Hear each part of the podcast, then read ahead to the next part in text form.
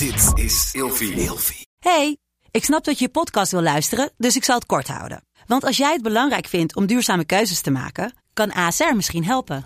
Nou hoor ik je denken, hoe dan? Nou, bijvoorbeeld bij het duurzaam herstellen van schade. Of de premies die we beleggen volgens ons duurzaam beleggingsbeleid. Dat bepaalt waar we wel en juist niet in investeren. Wil je meer weten over welke duurzame keuzes ASR maakt? Ga dan naar asr.nl slash duurzame keuzes. ASR doet het. Zo, dan kan je nu lekker naar je podcast luisteren.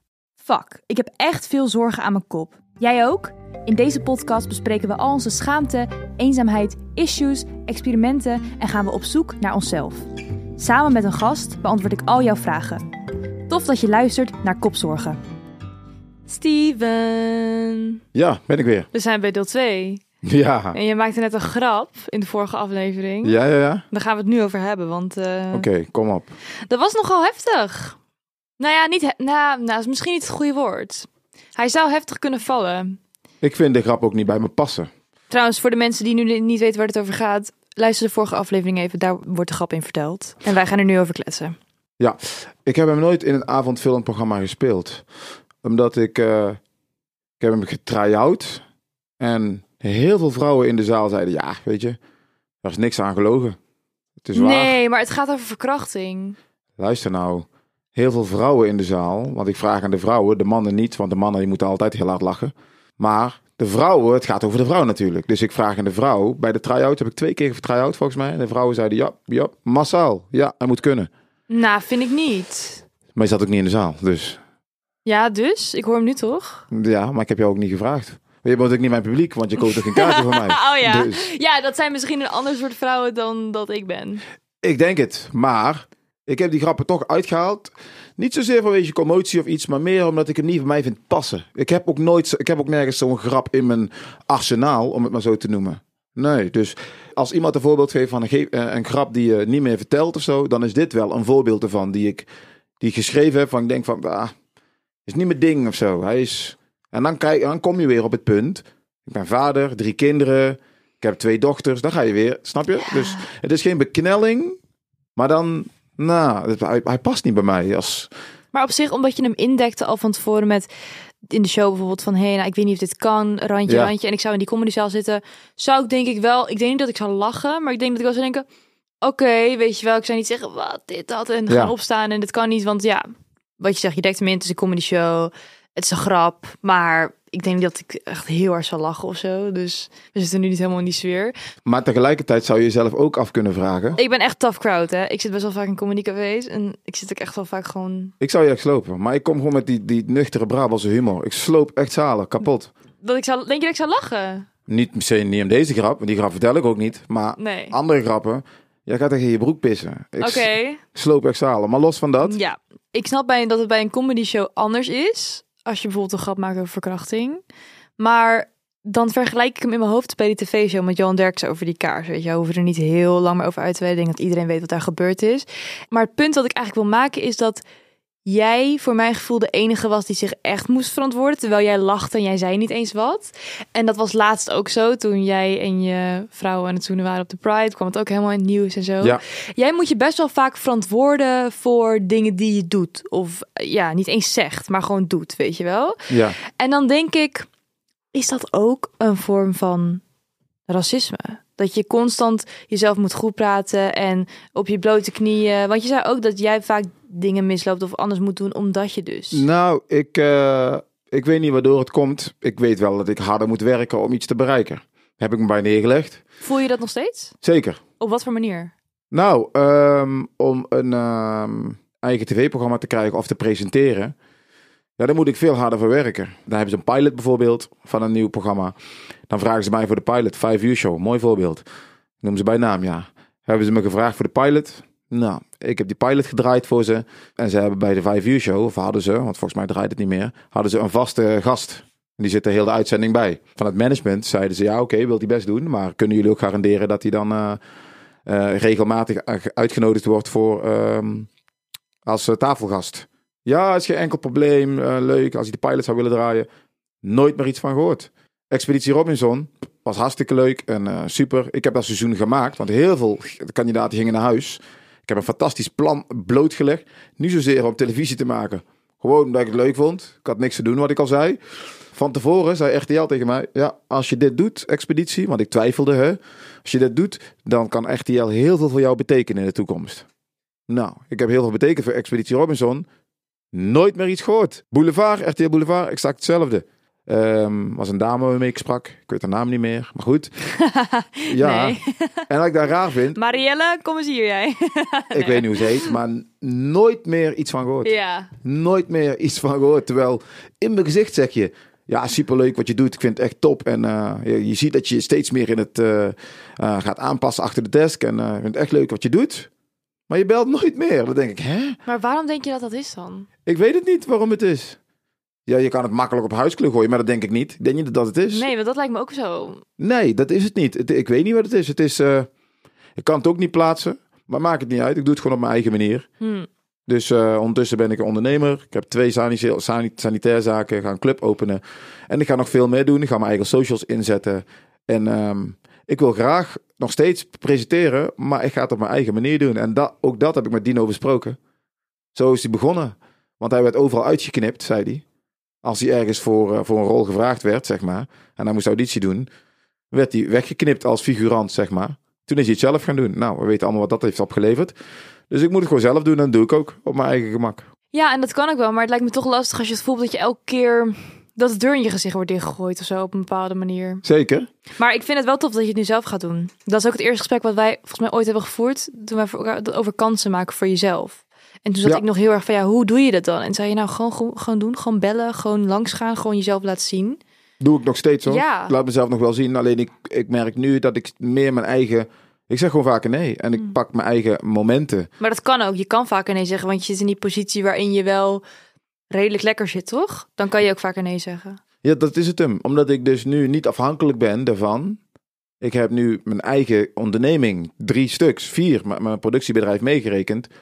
Dus ja, ik ben niet daarvan afhankelijk. Ik moet gewoon zorgen dat mijn zaken goed draaien. En als televisie daar een ondersteunende factor in kan zijn, zeg ik ja. Maar voor de financiën hoef ik het niet meer te doen. Nee, maar ik denk dat mensen dat ook vaak niet zien. Iemand in jouw positie, dan denk je van, oh, diegene heeft het allemaal voor elkaar, maar dat jij ook nog steeds nee te horen krijgt. Zeker weten, krijg ik ook nog nee te horen, ja. Ook al ben je op het punt waar je nu bent. Want ik heb ook veel mensen die binnen zien komen die echt al tegen jou opkijken en denken, oh my god, Steven, weet je wel. En, die zijn... en dan denk je misschien van dat jij niet meer in zo'n kwetsbare positie kan zitten, weet je wel. Waarin jij ook die afwijzing krijgt. Zeker wel, maar als ik dan terug ga kijken op mijn leven, ik heb het allemaal zelf gedaan. Hè? I created my own chances. Weet je, televisie, eh, ehm, eh, radio heb ik even gedaan. Ik creëer mijn eigen kansen. En ik sta er niet vaak bij stil dat ik mijn eigen kansen creëer. Behalve als mijn vrouw tegen mij zegt: Kijk eens even terug Ja, wat je allemaal gedaan hebt, weet je? want je bent En- gevlucht uit Suriname, Ja. toch? Met de familie. Ja. Hoe oud was je toen? Ik was toen vier. En dit is altijd voor mij een over kwetsbaar. Ik vind het altijd makkelijk om erover te praten. Maar vaak zat moet ik huilen bij dit. Niet zozeer omdat ik. Want ik vertel het heel vaak. Maar dat is niet zozeer omdat ik dan eh, verdrietig ben. Maar het zijn eigenlijk. Ik ben gevlucht uit Suriname. Maar het zijn eigenlijk vaak tranen van trots. Laatst was. eh Shownieuws was volgens mij bij mij. Ik ga dus een boek schrijven. En die vroegen ook van, ja, goh, eh, je, moeder komt er ook in voor. Hoe zit het daarmee? Mijn moeder is dus overleden op 3 november 2020. Maar dat is niet de reden waarom ik dan kwetsbaar op de, op de, op de televisie sta. Of dat ik kwetsbaar overkom. Nee, de reden daarvoor is dat ik weet wat zij heeft gedaan. En daarom vind ik het mooi als mijn vrouw zegt, kijk eens terug wat je allemaal gedaan hebt. Wat mijn moeder allemaal heeft moeten doen om mij deze positie te geven. Ja, dat, dat is... eh, dan komen er altijd tranen. Ja, nu toevallig dan niet. Maar Nou, ik zie het wel in je ogen, zeg maar. ja, vaak. Omdat Ja. ik weet wat zij... Zij had echt een mentaliteit. En daarom is dat, begint dat, is, is dat ook voor mij heel belangrijk. Haar mentaliteit was echt... Ik heb geen tijd. Ik heb geen tijd voor bullshit. Ik heb geen tijd voor nonsens. Ik heb kinderen. We zitten in een oorlogsgebied. Ik moet naar Nederland toe. Ja. Ik heb geen tijd, snap je? En dan komt het wel. Maar dat is wel wat mij trots maakt, snap je? Dus nu leef ik ook met die filosofie. Ik heb geen tijd voor onzin. Als jij mij afwijst, prima. Ga ik gewoon door, ja. We keep pushing, want ik heb geen tijd. Maar wat ik wel bizar vind en ook bijzonder is dat jullie zijn in Nederland heel racistisch eh, behandeld, heb je ook gezegd. Met mij een hele hoop mensen die hier kwamen hoor. Eh, De Surinaamse gemeenschap, heel veel. Ja. Ja, dat, dat hoor je natuurlijk ontzettend veel. Maar goed, over jouw persoonlijke verhaal natuurlijk. Want jij bent niet in een slachtofferrol gaan zitten voor mijn gevoel. Je bent daaruit gekomen en je zegt nu zelfs dat racistische grappen dat dat allemaal oké is. Ja. Hoe kom je op zo'n punt? Van, van daar naar hier komen, dat meemaken en dan nu hier zitten en dat allemaal gewoon prima vinden, zeg maar. Is dat veel therapie? Is dat gewoon leeftijd? Wat, wat, wat is dat? Het is niet zozeer therapie, het is heel veel praten met mensen erover.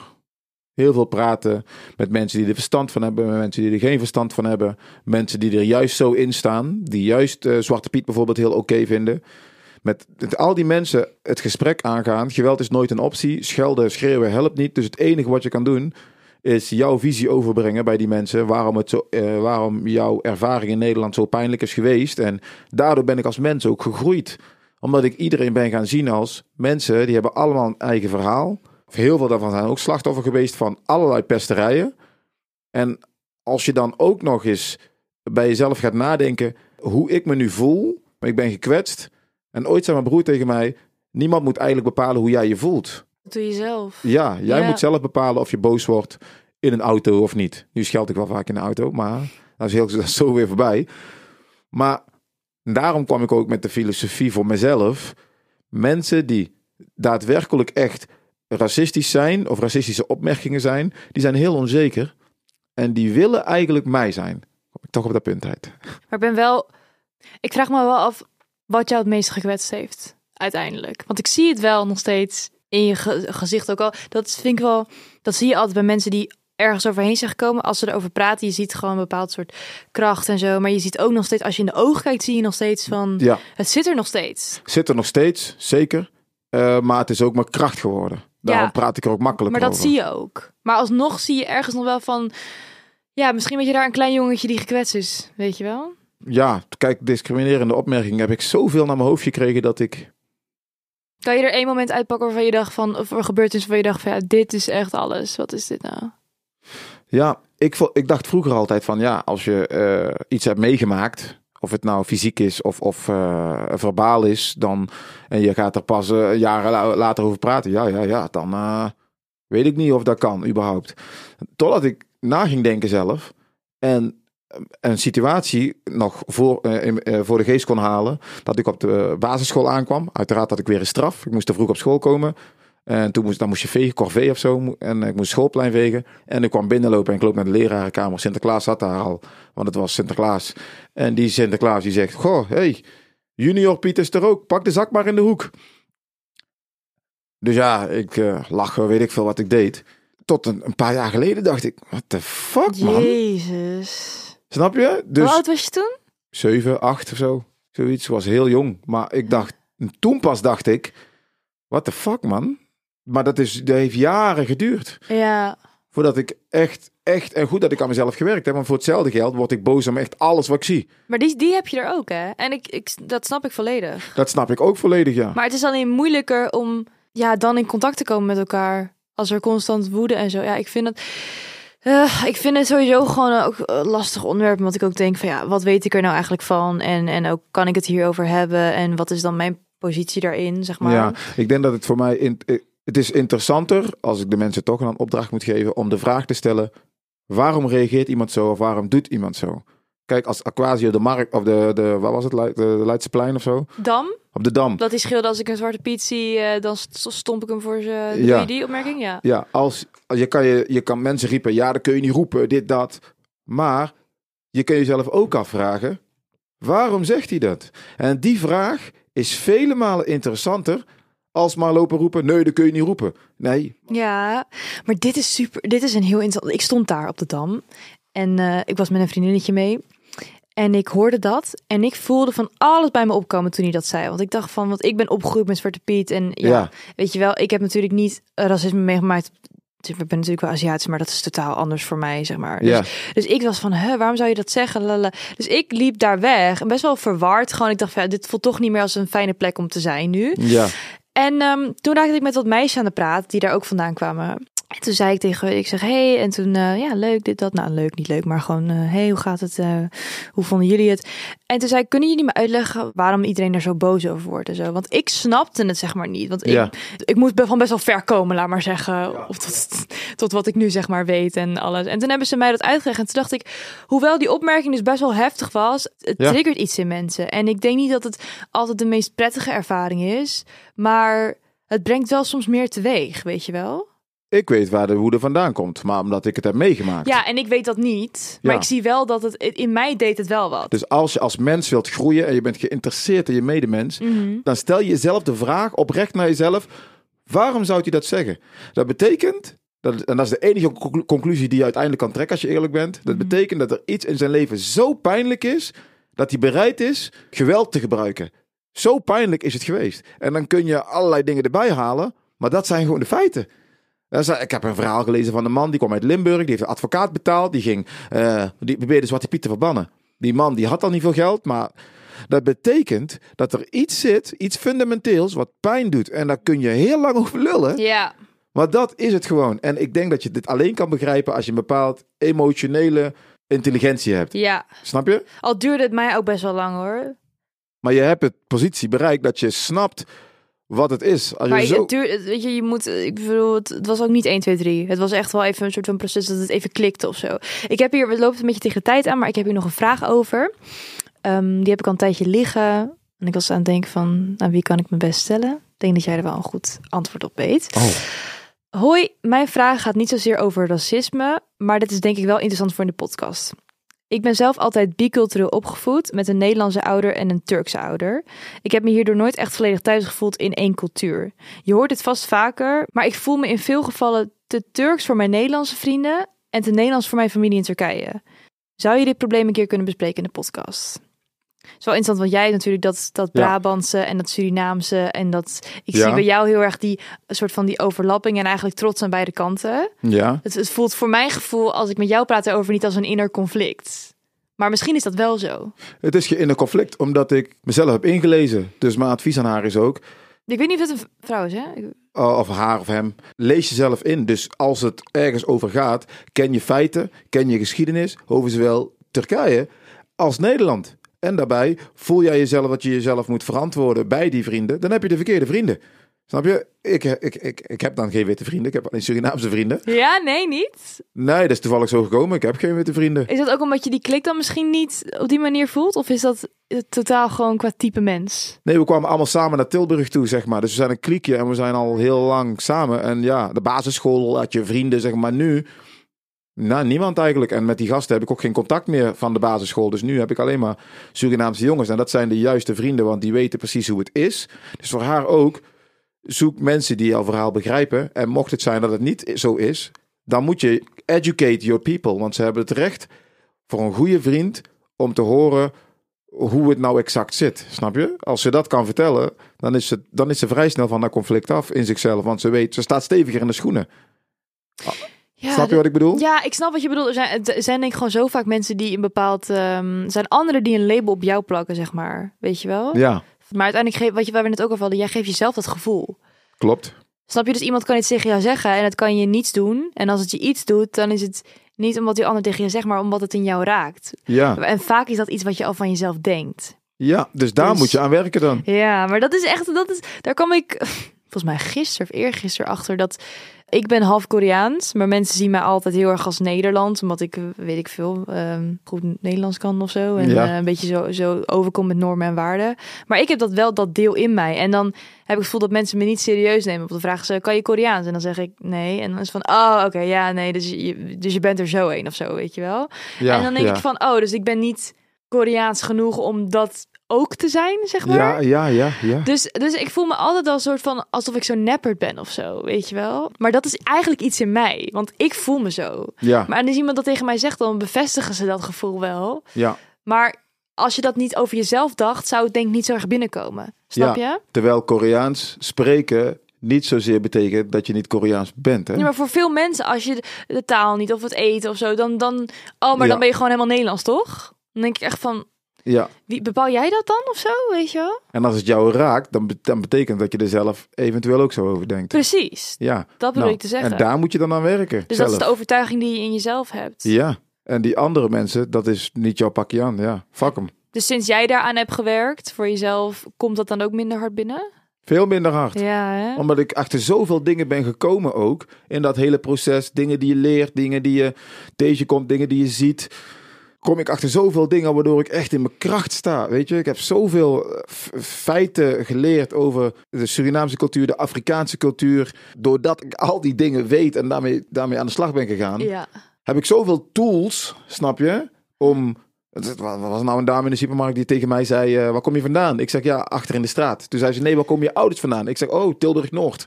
Nee. Oh ja, die ook, hè? Tilburg Noord. Toen zei ze: Nee, waar zijn ze geboren? Ik zeg: Surinaams.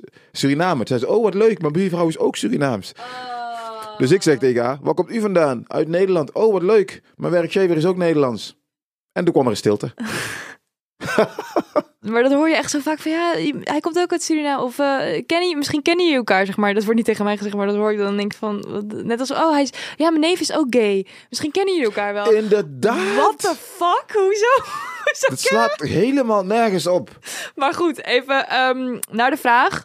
Het is heel interessant, want deze persoon legt het heel erg bij eh, de vrienden. En wat, ik, wat je daarop zei, vond ik heel goed. Want als je je niet op je gemak voelt, zijn er misschien niet de juiste vrienden voor je. Mhm. Maar wat we, waar we het wel natuurlijk allebei over eens zijn, is dat het uiteindelijk een intern ding is. Hoe Ja. jij jezelf voelt. Ja. En als jij je op een bepaalde manier voelt en daar gewoon zeker over bent en dat uitstraalt, dan gaat je omgeving ook wel mee. En als ze dat niet doen, dan is dat niet jouw probleem. Dat is Dus- niet jouw probleem en dan zijn het niet, jouw, dan zijn het niet de juiste vrienden. Ja. Ja, dus dat. Dus ik hoop dat je wat aan het advies hebt. Als Ja. luisteraar. Educate yourself. Educate yourself. Dankjewel, Steven. Nee, jij bedankt dat ik mag komen. Ja, vond je, vond, wat vond je ervan? Ik vond het hartstikke leuk. Ik vind het wel leuk om... Kijk, de tijd vliegt als je serieuze gesprekken voert. hè? ja, we zouden nog wel drie uur lang door kunnen kletsen. Maar dat is denk ik niet interessant voor de luisteraar. Want dan praat je op een gegeven moment echt in cirkels, weet je wel. Nou, ligt aan welk onderwerp, maar ik vond het leuk. Ik kom wel graag terug zelfs op een gegeven moment, hoor. Nou ja, als de tijd er komt en er is een nieuw seizoen, dan lijkt dat maar hartstikke leuk.